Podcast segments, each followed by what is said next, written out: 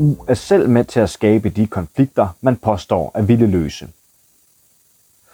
EU beskriver sig selv som bredens projekt med ambitioner om at gribe selvstændigt ind som økonomisk og militær stormagt i verdens konflikter.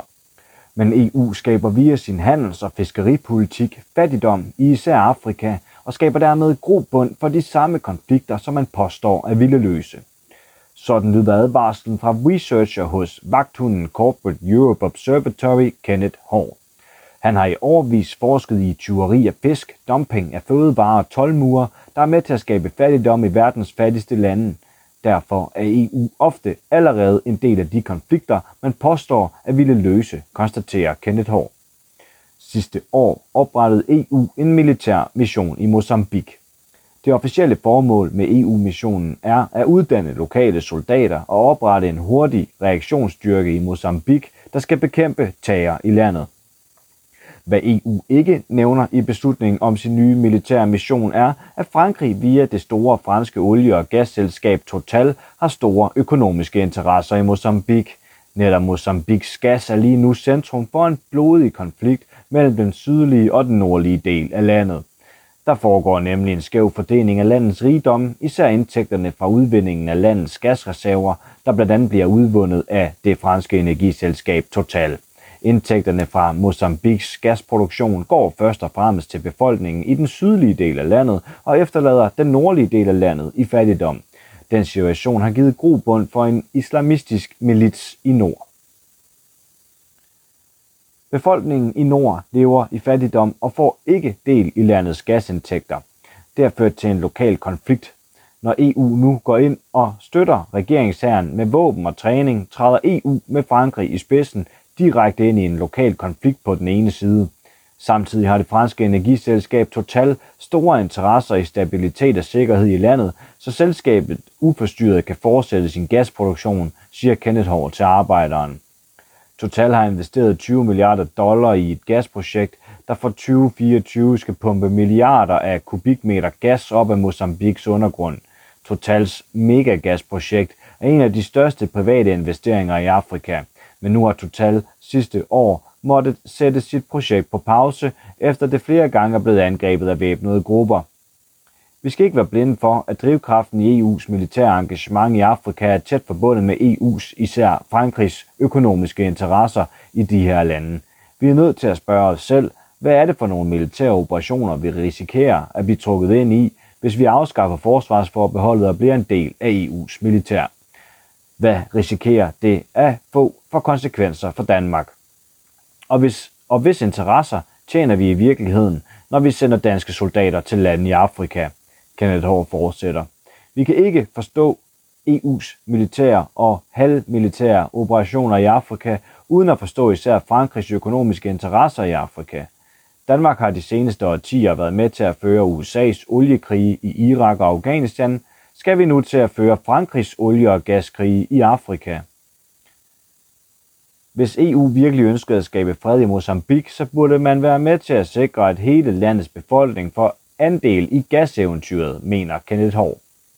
Men når EU via Frankrig har store interesser i Mozambiks gas, så interesserer EU sig sandsynligvis ikke så meget om fordelingen af indtægterne fra gassen og dermed hele årsagen til konflikten. I stedet er EU sandsynligvis mere interesseret i at være militært til stede for at sikre, at udvindingen af gas skal fortsætte. Hvis man kigger bag EU's sympatiske forsikringer om at sikre fred, stabilitet og menneskerettigheder i Afrika, så tegner der sig et helt andet billede. Vi har fået en række kontante eksempler på, at EU's militære indsatser i Afrika handler om alt andet end at sikre fred og menneskerettigheder i Afrika. Erfaringerne fra EU's militære operationer taler deres tydelige sprog. EU-trænede og EU-udrustede soldater i eksempelvis Mali, den centralafrikanske republik og Libyen begår systematiske overgreb på de lokale civilbefolkninger. EU er allerede direkte eller indirekte en del af mange af konflikterne i Afrika, og er derfor ikke den rigtige til at skabe fred, male eller forebygge de her konflikter, mener Kenneth Hård.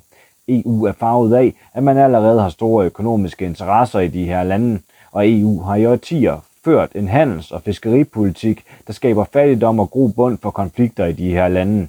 Derfor er EU ikke en neutral spiller, og derfor har lokalbefolkningen ikke tillid til, at EU er i stand til at spille en positiv rolle i forhold til at sikre fred, stabilitet og fremgang i disse lande. Friends of the Earth i Mozambique, også kaldet Justica Ambiental, advarer om, at det franske gasprojekt har været med til at fordrive mennesker, ødelægge deres livsgrundlag, krænket menneskerettigheder og været med til at skabe den konflikt, der har raset i Mozambiks olie- og gasrige provins Cabo Delgado i nord.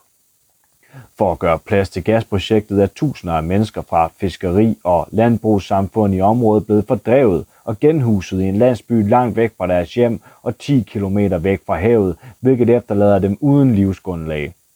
Annabella Lemos fra Justica Ambiental har været med til at skrive rapporten Locked Out of a Just Transition, colon, Fossil Fuel Financing in Africa, der kortlægger konsekvenserne af den europæiske olie- og gasindustris økonomiske interesser i Afrika.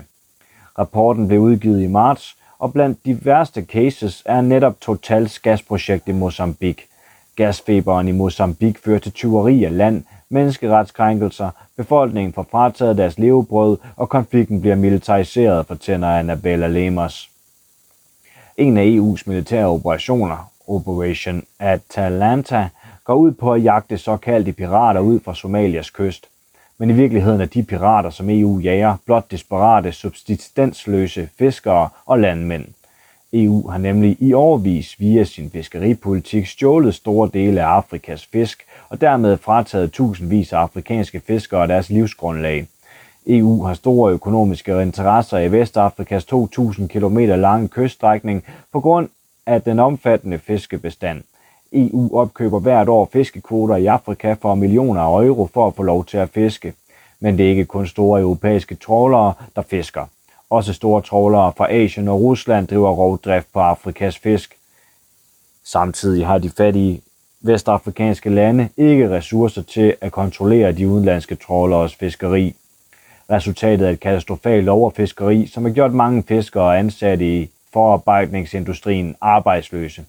Greenpeace kritiserer EU for at underskrive nye, uigennemsigtige fiskeriaftaler uden at sikre, at der er kapacitet lokalt til at overvåge de ekstremt mange fiskefartøjer skøren og laden på havet, og uden at tage hensyn til lokale fiskere og landsbysamfund, der er afhængige af fiskeri for at kunne overleve. Ifølge Greenpeace er 300.000 job i mindre lokale fiskerier i Vestafrika gået tabt som følge af overfiskeri og mangel på lovgivning, der sikrer bæredygtig forvaltning af fiskebestandene i regionen. Derfor ser flere af de afrikanske fiskere ikke anden mulighed end at blive pirater for at forsørge deres familier. I farvandet ud fra Somalia støvsuger supertrålere fra EU ulovligt havet for fisk. EU's rovfiskeri på den afrikanske vestkyst betyder, at de lokale fiskere har mistet deres livsgrundlag. Der går en lige linje fra EU's fiskeripolitik og store EU-fisketrawler i Afrika til problemerne med, pirateri, siger Kenneth Hård. Herudover er de afrikanske farvande blevet kraftigt forurenet af europæisk giftaffald, der bliver dumpet i 18-bugten ud fra Somalia. Også desperate bønder ser ingen anden udvej end at blive pirater. Det er eksempelvis tilfældet i det sydlige Nigeria, hvor olieboringer foretaget af Shell, Exxon og Elf har ødelagt store dele af vandet og gjort det umuligt at ernære sig ved at dyrke jorden, samtidig med at prisen på afgrøder holdes nede af ulige handelsaftaler. De seneste år har EU's handelsaftaler med landene i Afrika betydet, at EU får mere og mere ud af aftalerne, mens de afrikanske lande får ringere og ringere vilkår, forklarer Kenneth Hård. Det er ikke kun EU's handels- og fiskeripolitik, der er med til at skabe god bund for konflikter rundt i verdens fattigste lande. EU blander sig med sin terrorstempling af en lang række organisationer og enkeltpersoner direkte i konflikter og tager parti på de herskende regeringers side. Når EU først har stemplet lokale bevægelser som terrorister, er det svært efterfølgende at skulle melde fred eller på anden måde troværdigt gribe ind i konflikten med soldater eller anden militær støtte, og samtidig blive set som en neutral part, advarer folkebevægelsen mod EU. EU's terrorstemplinger og udenrigspolitik har flere gange været til skade for freden og en bedre verden, forklarer Leo K. Brock til arbejderen. Han sidder i Folkebevægelsen mod EU's ledelse og har i årvis beskæftiget sig med EU's terrorlister og EU's udenrigs- og sikkerhedspolitik. EU's terrorlister betyder, at EU ikke er en neutral part, der bare kan komme ind fra højre og male fred eller skabe fred i eksempelvis Afrika. EU består af tidligere kolonilande som Tyskland, Belgien, Frankrig, Italien og Portugal. EU har allerede en historie og en masse økonomiske interesser i især Afrika. En anden årsag til, at EU ikke er i stand til at skabe fred, er, at unionen ofte er en direkte del af konflikten på den herskende statsmagts side mod lokale oprørsgrupper. Det kommer eksempelvis til udtryk i EU's omfattende terrorlister, der stempler en lang række enkelte personer og bevægelser som terrorister, på trods af, at flere af bevægelserne har opbakning i store dele af befolkningen og kæmper for retfærdighed, omfordeling og ofte sikrer sundhed og uddannelse til fattige. Det kan have store konsekvenser at stå på EU's terrorliste. Det betyder eksempelvis, at borgere i Europa risikerer store bøder og fængselsstraf, hvis de vil samle penge ind eller udtrykke sympati for en terrorstemplet bevægelse. Og medlemmer af EU terrorstemplede bevægelser risikerer at blive fængslet og udleveret, hvis de søger beskyttelse i et EU-land. EU's politienhed Europol har samtidig et tæt samarbejde med, med politimyndigheder i konfliktlande som eksempelvis Israel, Tyrkiet og Colombia om at udveksle informationer, der kan være med til at bekæmpe de såkaldte terrorbevægelser.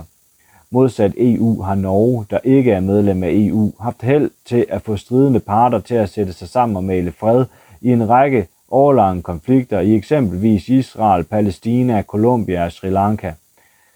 Det er den særlige grund til, det er der en særlig grund til, mener Lave K. Brock.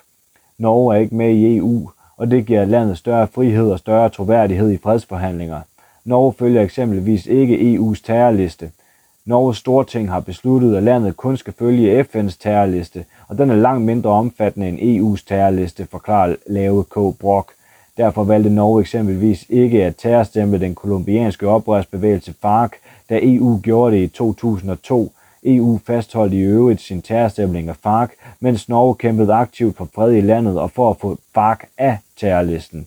Norges nej til EU's terrorliste betyder blandt andet, at palæstinensiske Hamas, kurdiske PKK og de tamilske tiger i Sri Lanka ikke er terrorstemplet i Norge, men det er de i EU. Det giver Norge en helt anden mulighed for at komme i kontakt med forskellige parter i væbnede konflikter, mens EU's terrorliste begrænser Danmark og resten af EU's muligheder for at bakke op om fredsprocesser rundt om i verden, forklarer Lave K. Brock. I Sri Lanka-konflikten var EU's terrorstempling af de tamilske tiger i 2006 ifølge Lave K. Brock direkte ødelæggende for den igangværende fredsproces, hvor Norge også spillede en central rolle, hvor Danmark indgik i en nordisk fredsmission under ledelse af den svenske oberst Ulf Henriksson. Efter EU's terrorstemning af de tamilske tiger startede kamphandlingerne i Sri Lanka. De nordiske EU-lande, Danmark, Finland og Sverige, var på grund af EU's terrorstemning af de tamilske tiger nødt til at trække deres observatører ud af Sri Lanka, mens Norge og Island, der ikke er med i EU, prøvede at styrke deres bidrag til fredsmissionen men det hjalp desværre ikke, for efter EU's terrorstemning af de tamilske tigere iværksatte Sri Lankas regering en stor offensiv, der kostede 10.000 af mennesker livet, fortæller Lave K. Brock og uddyber. Norge var rasende på EU for terrorstemplingen, og den svenske leder af fredsmissionen, Henriksson, følte sig svigtet af EU. Han havde netop i klart tale og i god tid advaret EU imod en terrorstempling, netop fordi han forudså, at en terrorstempling ville ødelægge fredsforhandlingerne men der blev desværre ikke lyttet til Henriksson i Bruxelles. Du har lyttet til en artikel fra Arbejderen. Abonner på vores podcast på iTunes, eller hvor du ellers hører din podcast. Du kan også klikke ind på arbejderen.dk for meget mere journalistisk indhold. Du er også velkommen til at følge Arbejderen på YouTube, Facebook, Instagram eller Twitter, samt tilmelde dig Arbejderens daglige opdatering på Messenger. Vil du i kontakt med redaktionen, kan det ske ved at sende en mail til redaktion Tak fordi du lyttede med.